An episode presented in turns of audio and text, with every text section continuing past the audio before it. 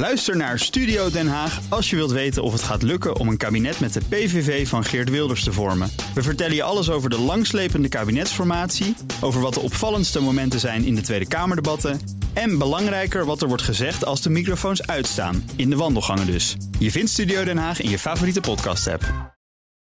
Auto-update. Ja, vind ik ook. Nou, Broekhoff van de Nationale Autoshow, die is helemaal klaar voor. Goedemorgen, jongens. Goedemorgen, jongen. Zonder spatschermen. Ja, hoe vind je dat? Niet, weer, niet weer gaan spugen, Bas. Zo. Allereerst nieuws over Polestar. Dat is dat elektrische submerk van Volvo. Hè. Die hebben de Polestar 2. Ja, leuke auto. Mooie auto om te Veel, zien. veel geziene, Ja. eh, goed gesubsidieerde elektrische auto. Maar het nieuws vanochtend is dat Polestar naar de beurs gaat. Mogelijk vandaag nog, meldt eh, Reuters. Op basis van bronnen. Ja, ik denk in Amerika. Ja. Het gaat namelijk om dollars, keiharde dollars. Het gebeurt via een zogenaamde eh SPAC. SPAC. Ja, dat is een soort overnamebedrijf. Eh, dan krijg je snel toegang tot een beursnotering. Eigenlijk is het gewoon een, een lege huls. Is volgens mij. Ja, precies. ja. En daar zet je dan een naam in. En eh, volgens eh, het bericht is eh, Polestar 20 miljard dollar waard. Ik heb zo'n lijstje met waar je de waarde, de reële waarde kunt zien van bedrijven. En dan is het dus meer waard dan Nissan op dit moment. En Subaru komt het zo in de top 25 van waardevolste bedrijven in de autobusiness.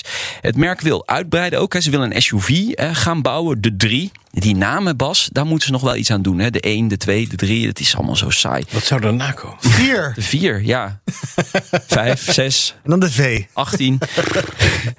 en eh, eerder dit jaar haalde eh, Polestar ook al geld op, 500 miljoen dollar, om die SUV te gaan bouwen. Maar ze hebben dus waarschijnlijk meer geld nodig, want daarom ga je vaak naar de Naar de beurs. precies.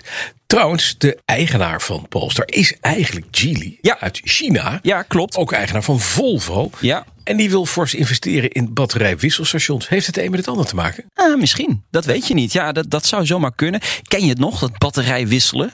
Ja, Ja. het is een idee waarbij je denkt, ja, de, he- oh, het hele batterijpakket uit een auto halen. Ja, je haalt het eronder uit. En dan zet je er een nieuw batterijpakket in. Heel Ja. snel, hè, want je komt Ja, ergens aanrijden. Als er niet een heel rijtje voor je staat van batterijwisselaars. En dan trek je het eruit.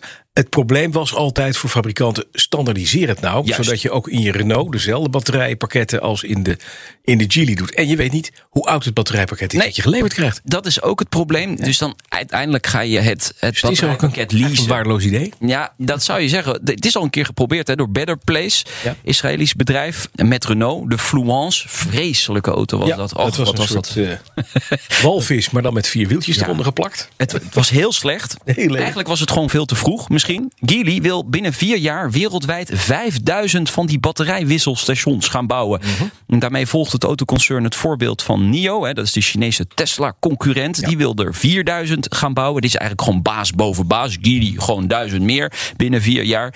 Ja, ik ben hier wel heel erg benieuwd naar. Want het zou wel een oplossing kunnen zijn voor die range anxiety. Hè? Ja. En eh, voor de laadstress voor veel mensen. Ik heb sceptisch. Ja, En ik denk gezonde. Jij ook, hè? Beetje. ja, maar eh, een partij als Geely, Ja, Mhm, die kan wel wat. Ja. hè, groot concern, Maar je moet, het Volvo, je moet het dan standaardiseren. Dan moet Ja. je zeggen, we doen het met meer Ja. partijen. Ja, We gaan ja, inderdaad ja, met ja. Renault en met, Samenwerking. met Ja. Nissan en met, een aantal grote partijen gaan we samen. eens. Alleen het punt is, vaak zijn die batterijpakketten gewoon onderdeel van het frame van de auto. Ja, ja, Dus wil je, je bent toch ook aan je dimensionering met het bouwen van de auto, de constructie van de auto, ben je afhankelijk van het batterijpakket. Kijk, als het nou hele kleine dingetjes zouden zijn, het- je doet er twee accu'tjes in, ben je klaar. Maar dit zijn hele vloeren met, met, met accu'tjes. ja, ze hadden dit moeten doen 10, 15 jaar geleden toen de eerste auto's werden ontwikkeld en gelijk die standaardisering erin te brengen. En dan, ja, maar goed. Hadden we nu allemaal dezelfde auto gereden. Gelukkig niet. Tesla ligt op koers om een magische productiegrens te bereiken. Dat heeft meneer Musk zelf getwitterd, neem ik aan, of niet? Nee, bronnen Nee, binnen het bedrijf. oh, 1 miljoen auto's dit jaar. Wow. Dat zou een verdubbeling zijn ten opzichte van vorig jaar. Toen waren het er zo'n 510.000. Ja, die mijlpaal komt nu dus echt in zicht. De productie draait echt op volle toeren in twee fabrieken. Shanghai, daar zijn al 300.000 auto's geproduceerd. Kunnen ze 450.000 maken in een jaar. Fremont ligt ook op koers. Daar kunnen ze 600.000 maken. Nou, tel je dat bij elkaar op, dan kom je over het miljoen. Ja, dan speel je wel serieus mee in, in de autobusiness, hè Bas. Als je een miljoen auto's bouwt. Ja, dan ben je f- nog niet de grootste ter wereld. Nee, verre van. Maar eh, kijk, eh, Volvo eh, doet er al 90 jaar over om die miljoen te halen. En Ja. hebben ze nog altijd niet gehaald. Dus eh, die credits moet je Elon Musk dan toch maar geven. Als hij het gaat halen. Ja, hij spoort zijn per- personeel echt aan om zo hard en hard en hard mogelijk op dit moment te werken. En komende week komen de nieuwe kwartaalcijfers en dan weten we meer. En dan gaat hij waarschijnlijk deze uitspraak nog een keer twitteren. Zou die nog iets kunnen doen aan after-sales service? Misschien dat dat helpt van mensen die een kapotte Tesla hebben, die gewoon niemand te pakken krijgen. Ja, dat, daar hoor je wel heel veel mensen Ja. over klagen. hè? Oeh, ja. Veel nieuws over elektrische auto's. Ja, Ja. zullen we eens gewoon eh, naar eh, de A12 gaan? Utrecht richting Den Haag. Het is gewoon asfalt. ook lekker, lekker waardeloos nieuws. Want de ko- komende tijd moet je dat mijden. Ze zijn daar alles aan het vernieuwen. Hè? Ja, vanaf vanavond gaat de snelweg tussen eh, knooppunt Oude Rijn en afrit Nieuwerbrug dicht. Negen dagen lang. De reden is het slechte wegdek. Ook de bermen en de vangrails en de verlichting en de viaducten worden aangepakt daar. Ja, je kunt maar beter in één keer alles doen. Rijkswaterstaat verwacht overlast en zegt rij nou gewoon om via de A4 Amsterdam-Den Haag of via Rotterdam, hè, via de A27. Ja, je kunt je wel afvragen, is dit een goede timing? Hè? Dit weekend is juist het thuiswerkadvies versoepeld. Er rijden zo'n 75 tot 100.000 automobilisten per dag over dat stukje asfalt daar.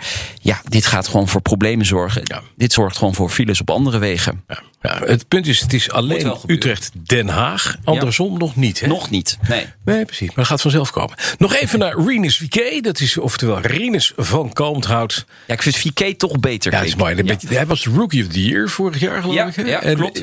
blijft in de IndyCar rijden. Ja, hij blijft eh, de IndyCar Ja, trouw. Hij heeft zijn contract verlengd, zeker. Een eh, jonge Nederlander die in Amerika race. En in een grote klasse, eigenlijk de tegenhanger van de Formule 1. Maar hij heeft wel een wisselvallig seizoen. Hij- De eerste helft was top. eh, won zijn eerste race. De eerste startrij in Indy 500 heeft hij behaald. Tweede helft was gewoon veel minder goed. Toch mag hij eh, blijven of hij gaat nog een jaar door. En het doel is om volgend jaar echt te strijden om het kampioenschap. Is mooi hè, dat we de Rinus hebben in Amerika en Max in Nederland. Eén kleine eh zijopmerking. Ja. Geen autogeluid nu in de update. Nee, en dan gaan we dan weer aan werken. Dan komen we daar vrijdag weer op terug. Dat zou fijn zijn. Nou, Broekhoff, dankjewel. De auto-update wordt mede mogelijk gemaakt door Leaseplan. Leaseplan. What's next? Ook Diana Matroos vind je in de BNR-app. Ja, inderdaad. Je kunt live naar mij luisteren tijdens de Big Five. Ook handig in de BNR-app. Breaking nieuwsmeldingen, maar ook het allerlaatste zakelijke nieuws. En je vindt in de app alle BNR-podcasts, waaronder Wetenschap Vandaag. Download nu de gratis BNR-app en blijf scherp.